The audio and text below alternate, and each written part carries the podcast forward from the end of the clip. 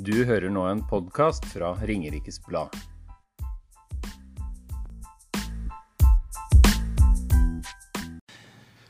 Øyvind, kan ikke du komme hit til, til meg litt? Du, skal vi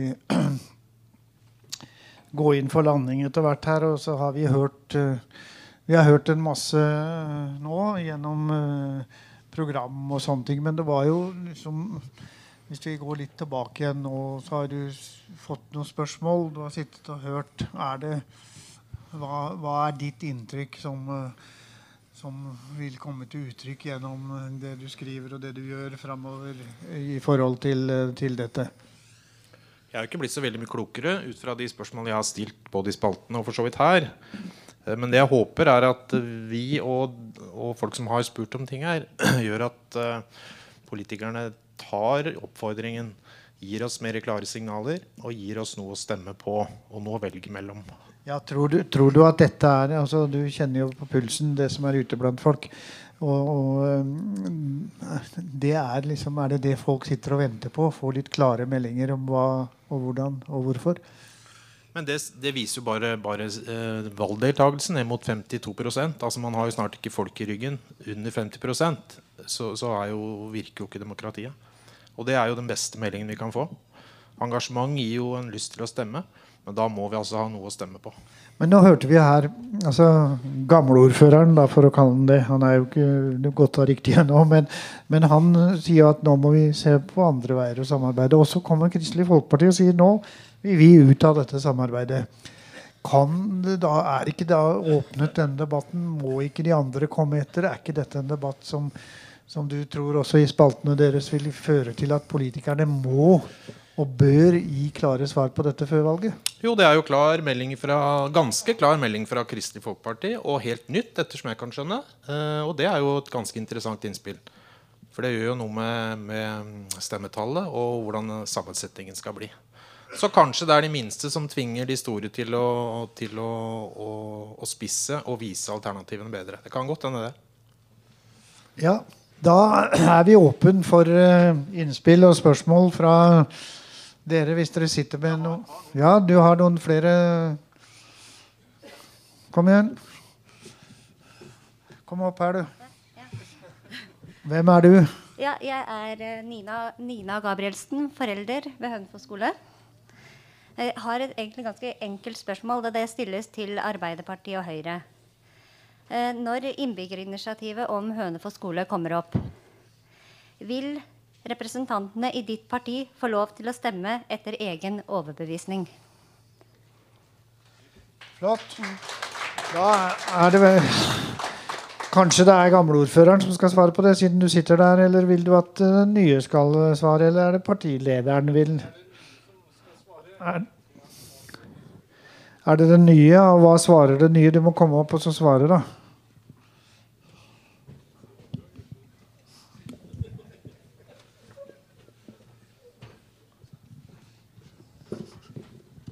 Tenk så heldig du er. Du får lov til å prate til folk og velgerne dine. Nå, ja, du svare. Ja. Den jeg håper jeg kommer opp nå ganske fort, for det blir jobba ganske mye med akkurat i forhold til Hønefoss skole. Og jeg tror faktisk at man eh, skal se litt på hva man ser Eller hvordan skal jeg si det? Eh, det er flere som har forskjellige meninger her, og det tror jeg bør komme fram. Altså skal de få lov til å stemme fritt? Ja. Ja var svaret, hvis ikke noen fikk det med seg. Veldig bra. Må dere det? ja, siden altså, Hønefoss eh, skole har jo blitt et veldig hett tema med, uh, av mange gode grunner. Og vi har ikke for vane å binde våre representanter i kommunestyret. Men jeg har et spørsmål til Senterpartiet knytta til Hønefoss skole. Det var spørsmålet stiller jeg. Du skal svare. Jo, men, jo, nei, nei, men det er veldig nei, interessant ja, ja. knytta til Hønefoss skole. Det, det, er greit, men spørsmålet stiller, altså svaret ditt er ja. ja. Greit, takk. Men kan jeg da få stille et spørsmål? Og jeg syns, jeg syns, ikke det kan stå uimotsagt at så mange, eh, særlig fra Senterpartiet, kaster seg hardt på eh, saken om Hønefoss skole og sier at den bør driftes videre sånn som det er nå. For det er nemlig et faktum at i 2014 så foreslo Senterpartiet og fikk støtte fra Rødt i kommunestyret i Ringerike at rådmannen ble bedt om å vurdere salg av Hønefoss skole. Men, men det, var, det er jo historie. Nå er det, det er lov, det, det er lov å det er lov å ombestemme seg. Jeg tror Høyre også har ombestemt seg en del saker, hvis jeg skal huske fra tidenes morgen, men det er greit nok. Nå fikk du stilt det spørsmålet. Nei, vi tar ikke den, den debatten om hvem som gjorde hva i fortiden. Så, men har du flere? Ja, men Da må du være veldig Vi begynner ikke med sånn fortidsdebatt. Nå er vi opptatt av hva skjer i fremover. Det er det vi er opptatt av. Ja, eh, Nå har vi jo Kjell eh, Hansen her. Og han har jo veldig god hukommelse, så han husker jo dette vedtaket i eh, 2014. Og Hvis ikke jeg husker helt feil, så eh, foreslo Solidaritetslista med støtte fra Senterpartiet å utrede eh, konsekvensene ved sikring av skoleveien og de økonomiske besparelsene ved samlokalisering av skolene. Og dette forslaget til vedtak ble stemt ned av Høyre og Arbeiderpartiet. Derfor er det litt underlig i dag at skolevei kommer som en stor overraskelse. Men dette regner jeg med at Kjell også husker, for han har utrolig god hukommelse. Takk. Det tror jeg nok at eh, Jeg vet ikke om Kjell har noe å si, men ellers så er dette den typiske politikerdebatten som, som kanskje gjør at folk ute blant velgerne blir litt oppgitt og sier jo, vi er mer opptatt av at dere har skylda, dere gjorde det når dere satt i forrige periode, og vi, nå må vi overta det. Ikke til forkleinelse for noen av dere som sier noe her, men dette er sånn Jeg tror at kanskje velgerne ønsker å se hva nå? Fremover, og det er det vi er opptatt av her nå. Og Der har vi fått klare svar fra Høyre og Arbeiderpartiet. De vil altså fristille representantene sine. Det var det som var spørsmålet. En gjennomgangstone her har vært i kveld, syns jeg, manglende kontakt med folk. Eh, det er kanskje en litt eh, brå måte å si det på, men, men jeg føler det. Eh, jeg har spørsmål. Er det noe Jeg vet ikke hvem som vil svare på det. Men er det noen muligheter for å tenke annerledes i strukturer? Altså Kjell Hansen han hadde sin røde benk. Og hadde den på Søndre Torg og møtte folk. Og bedre måte å møte folk eller grasrota på finner vi vel kanskje ikke. Men vi kan ikke ha masse røde benker. Er det mulig å tenke eh, f.eks. grendeutvalg, bydelsutvalg eh, osv.? Arbeiderpartiet har vel arbeiderlagene, eh, og så blir de ganske store etter hvert, har jeg skjønt. Er det noen som kan svare på det? Hva skal dere gjøre for å ha bedre kontakt? Vær så god.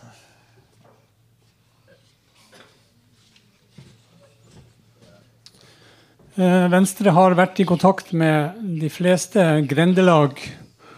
Og vi har notert ned når de har sine årsmøter eller medlemsmøter og har bedt oss inn der. Og eh, tar det opp igjen nå, for det er litt viktig. Vi, eh, Ringerike kommune består av mer enn bare Hønefoss. Så eh, du har Tyristrand og du har Hallingby. og også til og med Haugsbygd, der jeg bor, har et eget grendelag. Så det er en måte å komme i kontakt med, med folk på. Så får vi se, for da får vi innspill fra de. Pluss vi driver på med noe som vi kaller for dørbank. Og Det betyr at vi går rundt og banker på døra i, i valgkampen. Og vi har som mål å banke på 1000 dører nå før høsten kommer. Det er selvfølgelig noen som er lukket når vi kommer, men uh, vi får i hvert fall ganske mye svar og tilbakemeldinger på, på det. Blant annet så har vi vært uh, en del borte i Follum og fått ganske god tilbakemelding når det gjelder datasenteret der borte.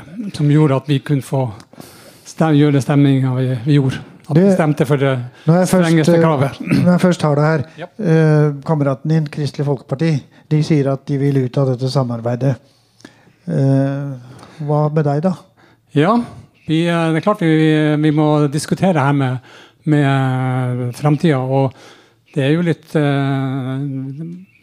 Ja, det er nesten eneste kommunen hvor både Arbeiderpartiet og Høyre står sammen. Ja. Så det er jo en, når, når, skal dere diskutere dette? her? Det skal vi diskutere i god tid før neste møte, som skal være her snakk om august-september. Så velgerne, velgerne, vil få beskjed om hva dere har som standpunkt? Ja, det mener vi skal klare å få til. Greit. Takk. Da er vi enda nærmere et uh, svar.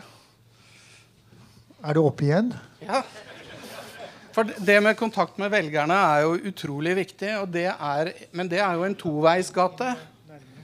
Uh, og vi har vært ganske flinke fra vår side synes jeg, til å arrangere åpne møter. Vi har, vi har hatt besøk av en rekke statsråder og statssekretærer og bedt alle som vil. Uh, ofte så er det sånn at uh, lokalavisen ikke stiller med representanter og refererer fra de møtene. Så det er flere eh, som er ansvarlig for å få opp det engasjementet. Eh, og man har jo ofte en sånn elitediskusjon i forhold til hvem som bestemmer i samfunnet. Den syns jeg vi skal ta på alvor. Altså Tilliten i det norske samfunnet det er noe av det som er mest nødvendig å ta vare på. Og det er bare å ta kontakt med hvilken som helst politikere og forlange svar, og dere bør få det. Kanskje det bør være omvendt, at det er dere politikere som bør ta kontakt med velgerne. At det er det der det ligger. Og så er det den tradisjonelle politiker uh, at nå er det pressen som har skylda. Det er vel kanskje noe av dette, og, bare med henvisning til da uh, selvskryt kan man høre på, for det kommer fra hjertet.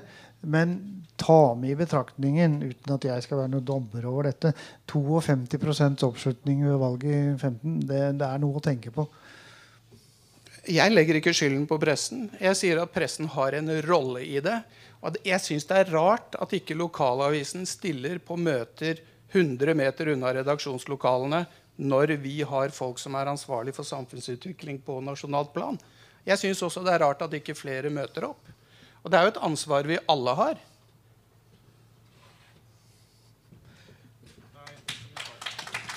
Nei,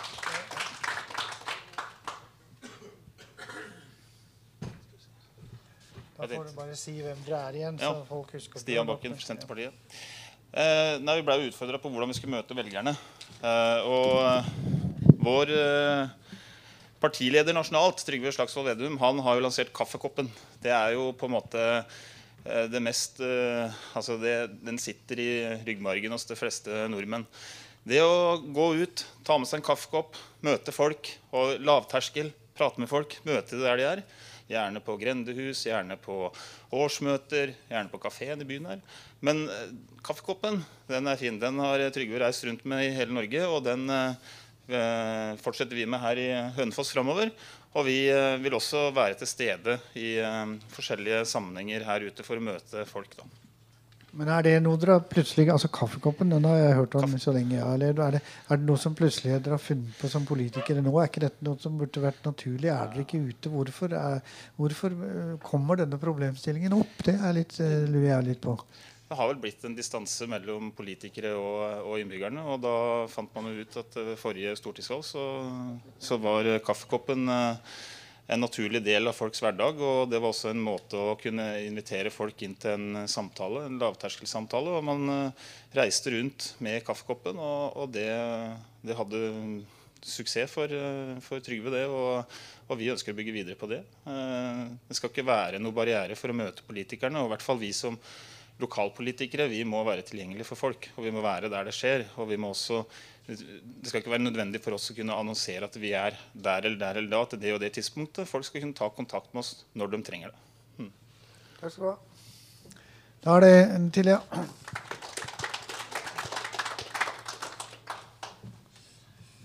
Hvem er du, og hva?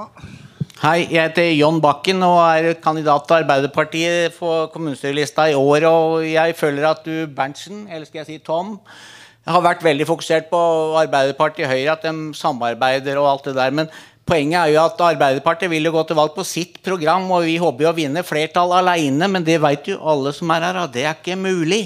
Men for befolkningens beste og til for befolkningens eh, glede så prøver vi å gjøre det beste for alle sammen, og da må vi samarbeide for å få flertall. Og derfor har vi valgt å samarbeide med Høyre og Senterpartiet, nei, Høyre og Venstre og disse nå. Neste gang kan det være noen andre. Vi kan, vi kan, du presser folk til å låse seg i Berntsen, men det går ikke an.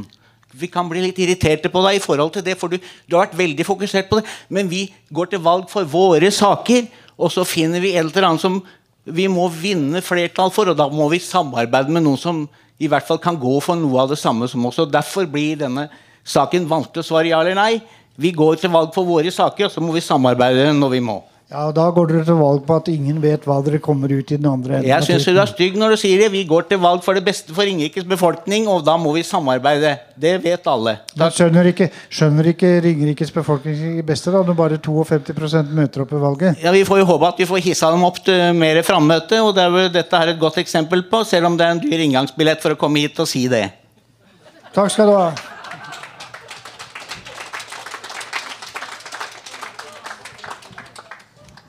Hei, jeg heter eh, Einar, Svaig. Jeg har sittet fire perioder i kommunestyret for Rødt.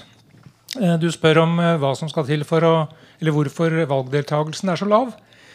Hvis vi ser på de som har presentert partiene her i dag, så er det bare én kvinne. Og det var fra Rødt. Kanskje det er en medvirkende årsak. Vi har jo en førstekandidat på Arbeiderpartiet, ny ordførerkandidat, som var kvinne. da, Vi må ikke glemme det. Nei, jeg, jeg, Det er mange kvinner på valglistene, men av de som har presentert partiene her nå, så er det Rødt som har hatt en kvinne. Ja, Men Orebråten har jo vært ganske sentral, da. Men det, det, det er greit nok, det. Um, til det på hvordan vi møter velgere, så må vi se på hvordan gjør vi det når vi først faktisk møter dem, når de først kommer til oss. Og Der synes jeg det har vært uh, veldig interessant den siste tida, både med Hønefoss-skolen, men også uh, støysaken på Follum. Og Hvis man leser i Ring Blad, så har, disse, så har beboerne uttalt seg. Og det siste de sier, det er at de har blitt, eh, fått henvendelser av alle partier for å hente informasjon, utenom to. Det er de to største. Det er de to som sitter i posisjon, som er varaordfører og ordfører. Og det er Høyre og Arbeiderpartiet. Ja. Flere Øyvind? Det er mye snakk om hvor mange som skal bo her om noen år. Eh, og vi har skrevet et tall mange ganger, og det snakkes mye om det. Det jeg lurer på, jeg vet ikke hvem som vil svare, men jeg har fått et spørsmål her. Um, ambisjoner fram til 2030, er dette brutt ned på årlige mål? Altså Klarer vi å holde oversikt over hvordan vi ligger an? Kan noen svare på det? Er vi i rute, eller er vi ikke det? Er det bare sånn, eller er det noe som ligger bak dette her? Er det noen som gjør sånn? Ja, Kjell? Du kan, kan låne den.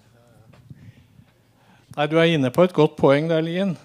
Eh, det som er Forholdet er jo at normalt så uh, definerer en utviklingen i forhold til SSBs eh, fremskrevne tall. I den situasjonen Ringerike er i, så har man valgt å over, lage en overproporsjon på forventningen. Eh, det finnes mange tall. Jernbaneverket har 130 000 innen 2040. Det er jo ganske ambisiøst. Da blir Hønefoss noe annet. Eh, Kanskje heller Ringerike, hvis det slår til. Eh, næringsliv på Ringerike har hatt en utredning og lander rundt 100 000. Og vi ligger vel på en 60-70, som er veldig offensivt, det også, sett i forhold til SSB. Og hvis du følger skalaen for SSB i forhold til den utviklingen som faktisk skjer, da, så ligger vi i underkant av den prognosen som ligger i SSB. Så det er mye høyttenkning rundt de definerte målene. eh, Og det er jo det som gir usikkerhet i forhold til framtida.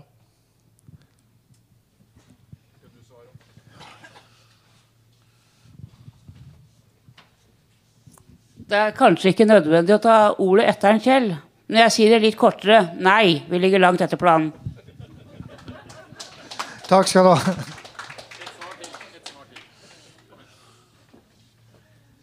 Du får god trim i dag, Ja, jeg får trim.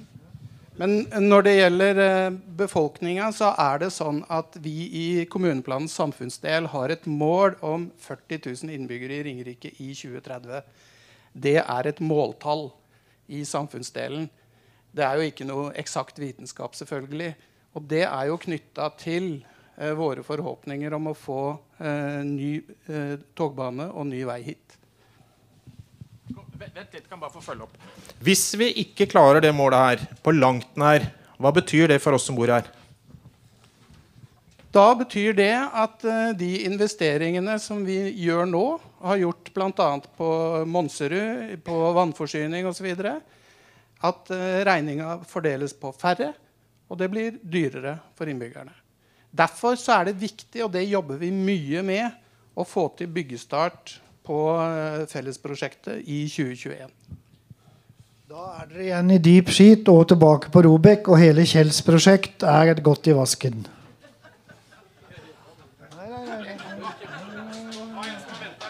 Ja, vær så god. Kom igjen. Vent litt nå. Er her. Kan, ja, du kan stå her. Kan du få mikrofonen, så slipper du å gå opp? Vær så god. Det er Jens Kjell. Jeg har jo sett de siste ukene og månedene at det har vært en stor glipp og gap mellom politikere og grasrota. Og at ikke politikerne greier å høre på grasrota, det undrer meg veldig i disse valgtider. Eh, dette med at jeg og mange andre tror at dagens politikere ikke evner fullt å se eller høre ropet fra grasrota, eller ta inn over seg de konsekvensene dette medfører, og spesielt i disse valgtider. Hvordan vil dere som ordførere skape bedre dialog med byens befolkning de neste årene for å skape en fremtid for byen? Og eh, Kolbjørn Kværum eh, Kjell han var før der med å sitte på torvet med rød benk. Og den røde benken er det mange år siden jeg har sett. Takk. Takk skal du ha. Det er eh, kommunikasjon, involvering. Hva, er det noen som vil svare på det først nå, eller? Bare vent. Er det, er det, ja, skal vi ta ja, men da tar vi, Vent litt. Skal du svare på det? Du hadde et spørsmål før det. Ja. Da tar vi først svaret på det. For forhold til det å ha mer dialog med, med, innbyggerne. Jeg tror kanskje vi bør ha, Når det er store saker, kanskje man bør begynne å ha mer folkemøter. Og kunne komme fram til litt og få, få, det litt mer belyst i forhold til det. Så det er enklere å komme med i dialog også. Det er sånne ting vi kanskje bør se litt mer på enn det vi har gjort i dag. Da skal du få lov til å komme dit. Nei, nå Jeg eh, bare kom en liten, liten spissformulering her eh, når det gjelder eh, byutviklingen. Eh, og det er følgende eh, Glattvet brygge er ikke Aker brygge. Og Søndre Torg er ikke Egertorget. Eh, og Det betyr at man må også altså både rigge for fremtidig vekst, men også ha noe is i magen i forhold til de prognosene som er. så vi i KrF er noe skeptisk til uh, noen av disse planene som ligger. Takk skal du ha. Flere byer i Belgia, holdt jeg på å si. Er det flere spørsmål?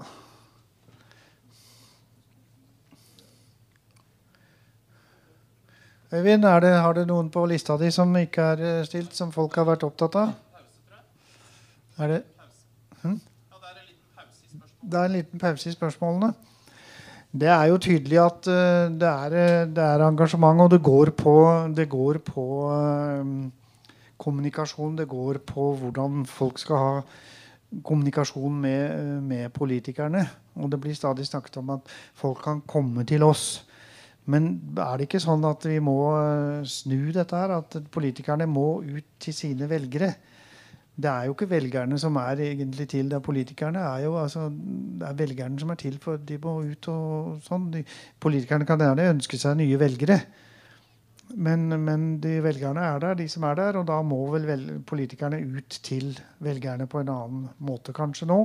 Og med ny teknologi hvor vi ser eh, kommentarfelter og hva som rører seg der, og på hvilken måte, så er det vel, er det vel sånn at eh, Kanskje vi må begynne å tenke litt annet på hvordan vi skal nå ut til velgerne. hvordan vi skal og, og, på fint, hvis vi er helt nede på det, Terje og dere som driver med, med dette her oppe, dere snakker jo veldig mye om et prosjekt om demokratiet. Det er jo demokratiet vi snakker om egentlig, som skal fungere. Eh, og, og, fungerer ikke demokratiet Det er jo noen som pleier å si at demokrati er noe dritt, men det er det beste vi har. Og det er vel noe i det, og det er vel der vi ender til slutt å snakke om det. Hvordan skal vi styrke demokratiet? Hvordan skal folk ha tillit til demokratiet? Og hvordan skal vi få kontakten på den måten? Det er litt mer skole her. Um, det er mulig det blir litt teknisk, men jeg håper noen kan svare. Kan flertallspartiene fortelle hvor mye Ringerike kommune så langt har spart på en desentralisert skolestruktur? Og hva som blir de årlige besparelsene når de to sentrumsskolene er i full drift? Litt teknisk, men kan det sies på en forståelig måte, noe av det?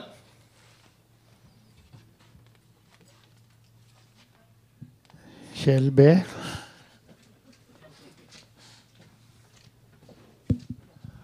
Eh, jeg skal være ærlig på det, Lien. Du, er, du har nok gjort deg noen forberedelser, skjønner jeg.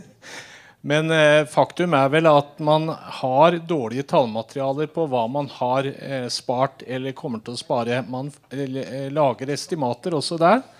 Og det varierer fra tall 5 eh, millioner til 10 millioner over en viss periode i det som har skjedd. Da legger jeg ikke til grunn Benterud og, og eventuelle effekter med Ullevål. Det er jo en del av svakheten ved skolestrukturutvalgets eller skolestrukturvalget. Og det er at man ikke gjorde de beregningene godt nok på forhånd. Og Derfor har man heller ikke noen referanse i forhold til de mål man måtte, eller tall man måtte komme i dag. Så det er en av mine kritiske punkt den dagen jeg legger fram den bunken med eh, saker knytta til skolestruktur. Og det må folk tåle. Eh, jeg har fått noen tall, men de spriker som sagt. Og det eh, tenker jeg ikke å legge fram her. Men, men, Kjell, de tallene, er, Nå er jeg opptatt av tall og økonomi når det gjelder skoler og barn. og sånn er det ikke. Går det an å regne det i tall og kroner? da? Må vi ikke tenke litt uh, annerledes også? Det ikke, betyr ikke noe mer enn bare tall og kroner? Jo, det gjør jo det. Og det er jo det som er debatten på Ringerike i dag når det gjelder Hønefoss-skolen. Eh, det er jo sånn at den Skolestrukturdebatten og da må man jo være ærlig på det og si at den starta som en del av effektiviseringsprogrammet for å omstille til en bedre økonomi. Og Man hadde en lengre utredning som gikk på skolens innhold. Jeg ser at Mange etterspør hvorfor snakker man ikke mer om innhold i skolen. Ja, Det finnes rapporter på det.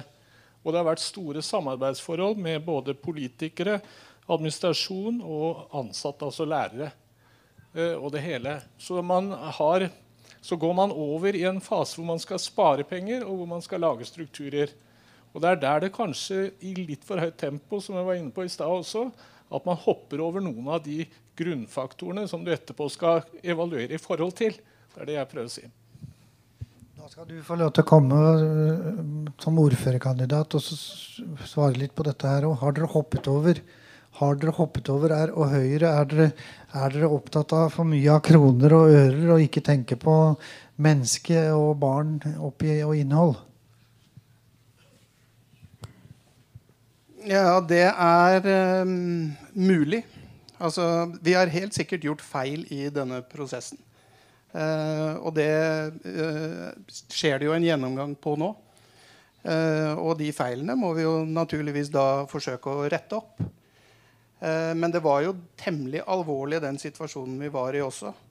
Sånn at eh, den gjennomgangen vi nå skal ha, vil jo avdekke de eventuelle feilene. Så, eh, og det kommer jo ordføreren til å legge frem i hvert fall sitt syn på ganske fort. Og jeg regner med at det blir en ganske grundig politisk debatt på det. Du skal få lov til å svare på Kontakten med velgerne, hvordan du ville ha den bedre? Ja, Det var noen som nevnte Kjell sin røde benk. Altså, den var jo Kolbjørn Kværum sin. Ja, det var det Jens sa.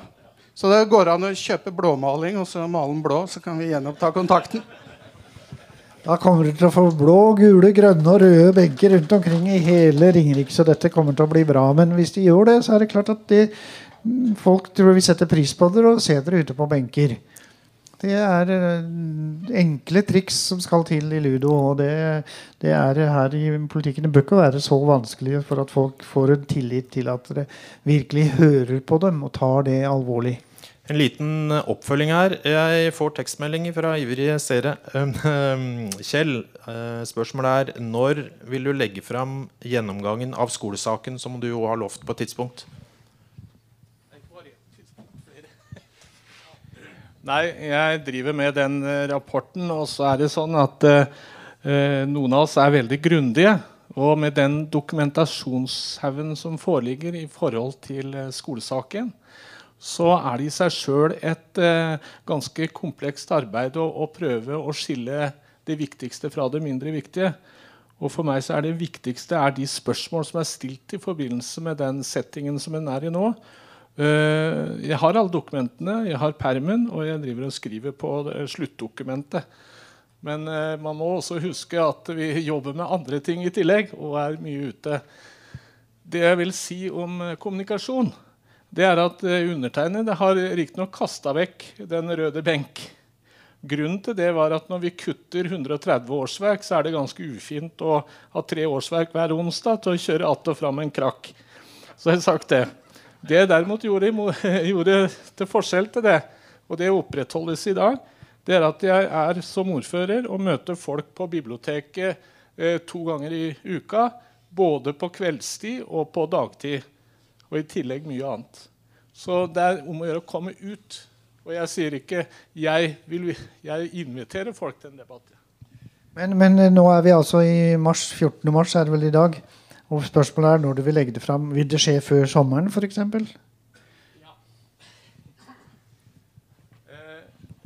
jeg ser det også i sammenheng med det initiativet som det vises til. Jeg har prøvd å purre på eh, initiativtakerne når det gjelder det. Eh, det er jo et eh, folkeinitiativ i forhold til Hønefoss skole. Eh, vi har ikke mottatt det offisielt ennå.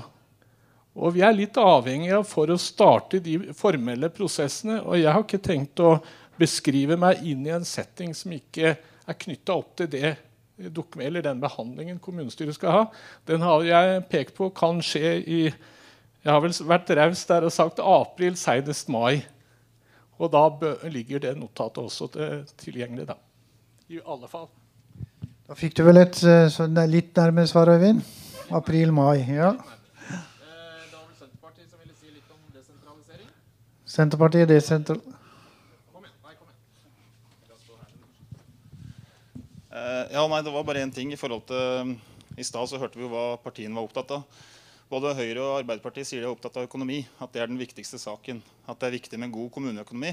Men nå hører vi jo her at uh, de har ikke vært gode nok på å utrede kostnaden ved skolestrukturen.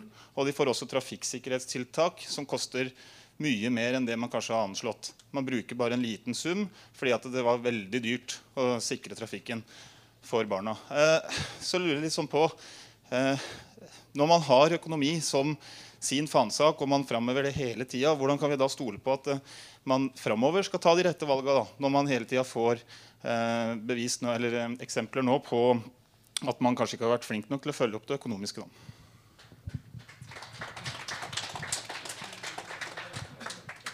Har vi lært noe?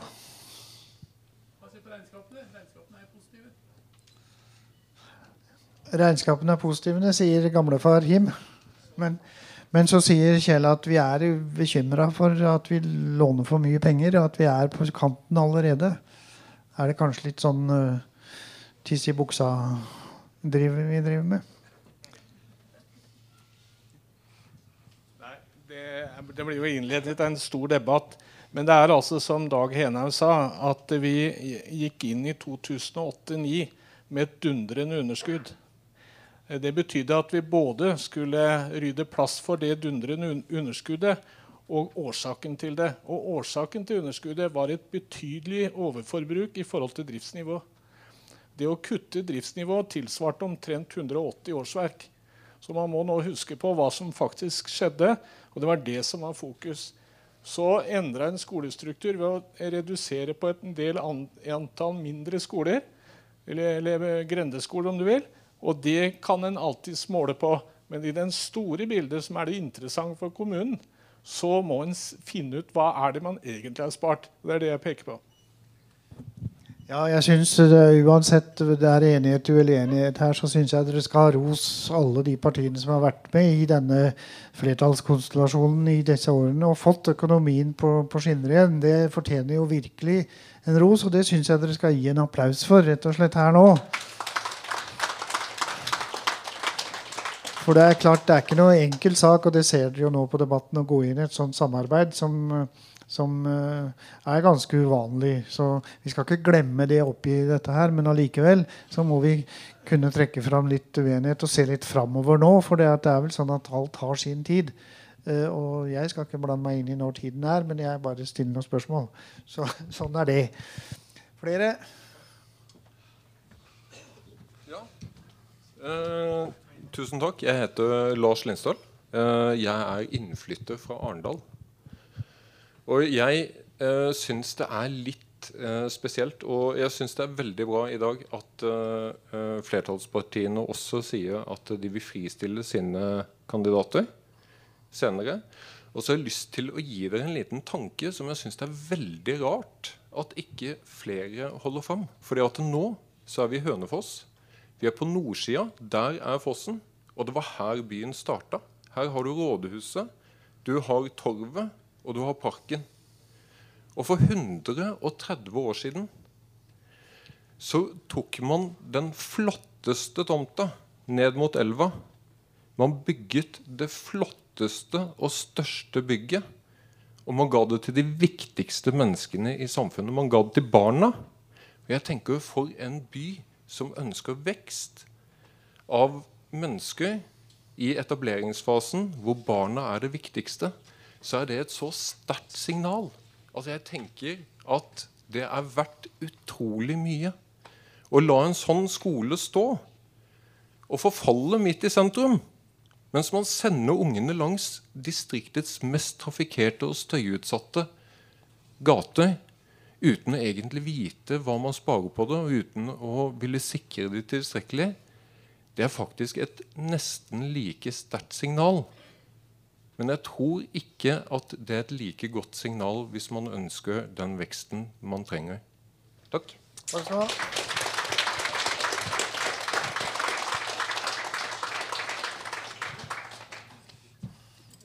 Vær så god. Hvem er du, og hva? Jeg er, Vera Rosmara Frydenlund. Er eh, arrangementsansvarlig i Høyre. Og har sittet og vært litt irritert på at du eh, på en måte sier at eh, vi ikke gjør noen ting for å treffe på grasrota, komme i kontakt med befolkningen for å høre hva de ønsker. Og eh, man kan si at bare sånn rent praktisk fortelle at vi har hatt folk ute på, på Tyresand, Sokna, Nakkerud, over hele Ringerike. Stått utenfor samvirkelagene og forretningene for å komme i kontakt med folket, slik at de kunne snakke med oss. Vi har også noe som vi kaller blåveisaksjon. Det er på vårparten. Som vi også skal ut og høre hva er det folk ønsker at vi skal ta, og, ta opp, og hva er de opptatt av at vi kan gjøre for de der ute. Vi har hatt åpne møter, som har snakket opp. Vi har hatt utenriksministeren, vi har hatt handelsministeren, og vi har hatt de ministre som er omtrent. Og eh, det største oppmøtet hadde vi når vi må jeg jo innrømme, det var når vi hadde helse. Men det er jo nesten litt vondt at vi ber inn sånne kapasiteter, gir tilbudet til befolkningen om å kunne orientere seg og kunne spørre. Og så kommer det kanskje en 15-20 stykker. Og her er det da masse frivillige folk som jobber og arbeider for å få til dette. Og da blir jeg litt lei meg ja, når du på en måte indikerer at vi ikke er der ute for å høre hva folket vil. Ja, hvorfor, hvorfor blir du lei deg når, når, når, når eh, valgdeltakelsen er 52 og for, ikke folk møter opp? Jeg skjønner det. Dere legger ved masse tid. Jeg har full masse respekt for politikerne. Jeg har jobba tett med dem siden 70, og alle regjeringer og statsråder. Og både på høyt og lavt plan og, og, lokalt. Og dere gjør en kjempejobb som politikere. Men det hjelper jo veldig lite da hvis folk ikke møter opp. Og, hvorfor, og spørsmålet mitt er hvorfor møter de ikke opp? Det er jo da, det vil, spørsmålet ville jeg stilt i stedet. det er også, derfor vi reiser rundt, for at i hvert fall treffe de når de er ute. Ja, og, dette er og. Og, og, for å få den dialogen. For vi kan jo ikke true folk til å komme.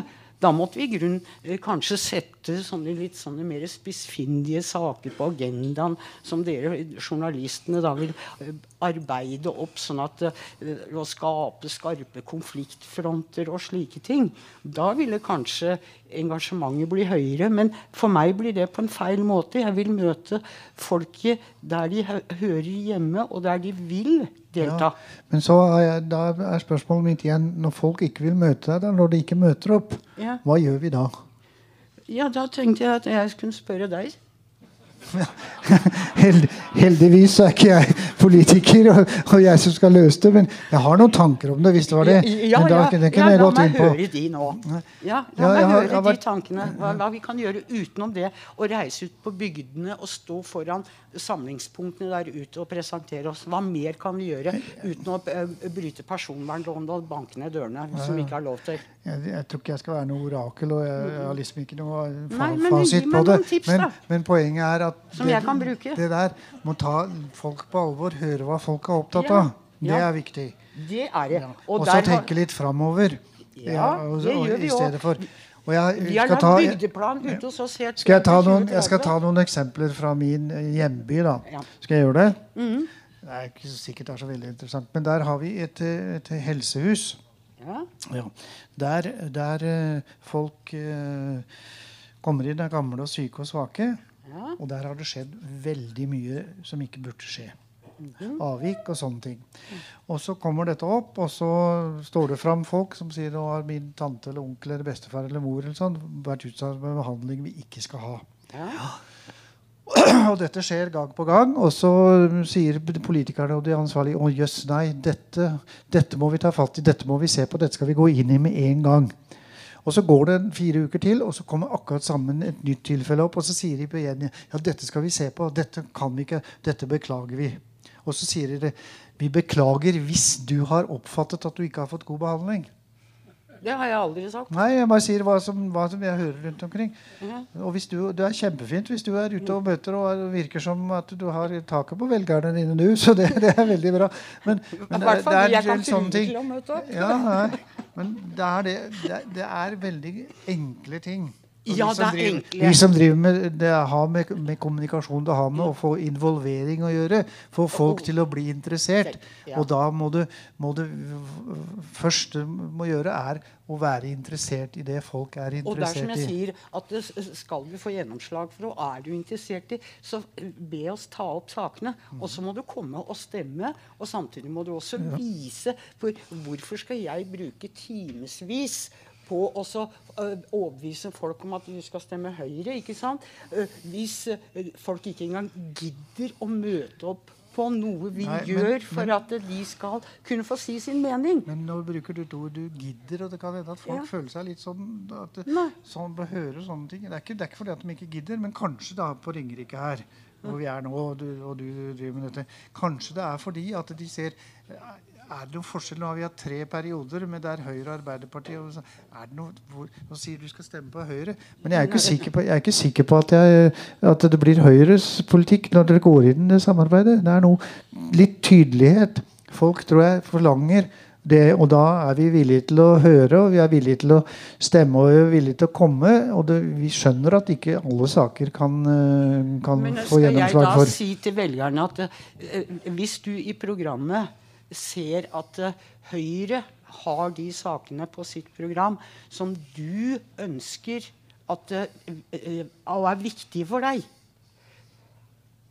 Skal vi da måtte si at hvis vi i, kommer i posisjon og kommer i samarbeid Nei, med noen si- andre, så og det ser ut som det blir vanskelig at vi kanskje må hakke ned litt, men vi kan i hvert fall få til såpass mye av det. Ja, men da skal du si til velgerne det på forhånd. At nei, vi skal fortsette med disse fire partiene, eller vi skal ikke gjøre det.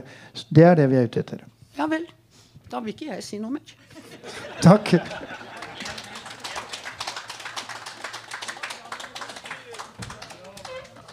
Hei sann, hei sann. Jeg heter Audun. Jeg er fra Haug. Eh, og jeg er også sånn Jeg lurer litt på hvorfor valgdeltakelsen er, er så lav. Og jeg tror mye av skylda er på den konstellasjonen man har nå.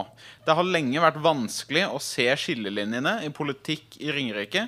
Og det føles for meg om at min stemme ikke har noe å si, fordi kursen er det samme uansett. Det er nesten så jeg får lyst til å sitte på sofaen på valgdagen selv om jeg ikke stemmer på noen av dere.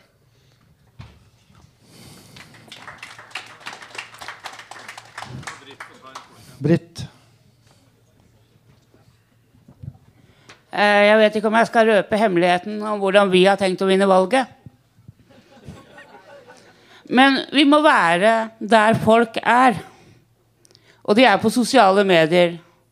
I de siste ukene har man diskutert Hønefoss skole opp og i mente. Og mange av oss har deltatt i diskusjonen. Det har vært kommentarer på 60-70 kommentarer på mange av innleggene. Men det har vært veldig få fra politikerne. Takk skal du ha. Da tror jeg vi nærmer oss slutten, og jeg må si at det, jeg syns det har uh, vært veldig interessant. og et, Jeg har vært ute på mange sånne møter, men dette er faktisk et av de møtene jeg syns har Her har uh, folk har vært engasjert, og det er tydelig at, at det er engasjement i Hønefoss og Ringerike. Da, da må dere bare få det litt mer ut blant folk. Og det, det, ligger så mye godt. Både saker og politikere og dere som har vært her i kveld, er i stand til å, til å artikulere dere og, og, få fram dette. Så kast dere ut. og vær, men vær litt tydelig. Det vi ønsker folk. De vil ha klare beskjeder. Hva står vi for? Og så skjønner de at de ikke kan få gjennom alle sakene sine, men det er noen saker som er viktigere for andre. Og det har da med et ord som heter også å prioritere. Og det gjorde dere når dere gikk inn i denne for å, for å, for å ta og få orden på økonomien. Og så er spørsmålet nå hva skal dere gjøre videre? Ja. Det er, det er mange spørsmål som ikke er besvart her. Uh, det, men jeg, jeg syns allikevel uh, at dette her har vært en kveld som har vist oss ganske mye av Eh, de politikerne som eh, står til valg eh, til høsten. Jeg, tror, jeg håper at dere føler at dere har fått vist fram det dere står for. Jeg tror vi i hvert fall som har sett på, har, har fått en god følelse av det. Og så er det selvfølgelig noen ubesvarte spørsmål, og det håper jeg dere klarer å bli tydelige på fram mot valget. Eh, sånn at vi slipper å, å, gå inn i valget med, med mange uh, ubesvarte spørsmål, særlig på de store linjene. Så det var det. Uh, først og fremst takker jeg alle politikere som har vært på scenen og vært i ilden her. Jeg håper dere syns det var hyggelig, interessant og nyttig. Så en takk til Tom som har leda oss gjennom dette her på en uh, god måte. Forbilledlig måte, til tross for at han er fra Drammen.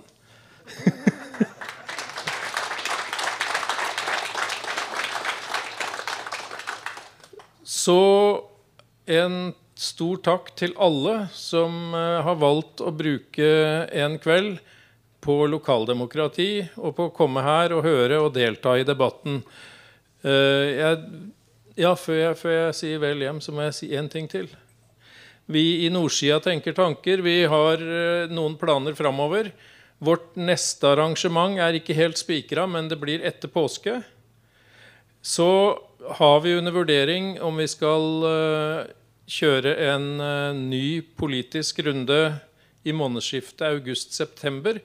Det må vi det må vi få snakke mer med politikerne om. Og hvis politikerne ønsker det, så kan vi diskutere det. Vi håper at den kvelden vi har hatt i dag, har gitt mersmak, sånn at vi eh, kan snakke godt om, om hvordan vi gjør det videre.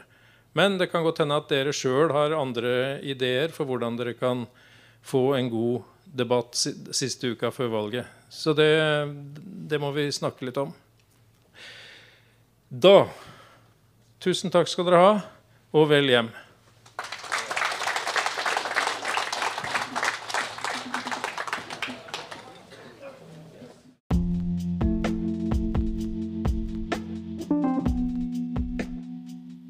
Du har nå hørt en podkast fra Ringerikes Blad.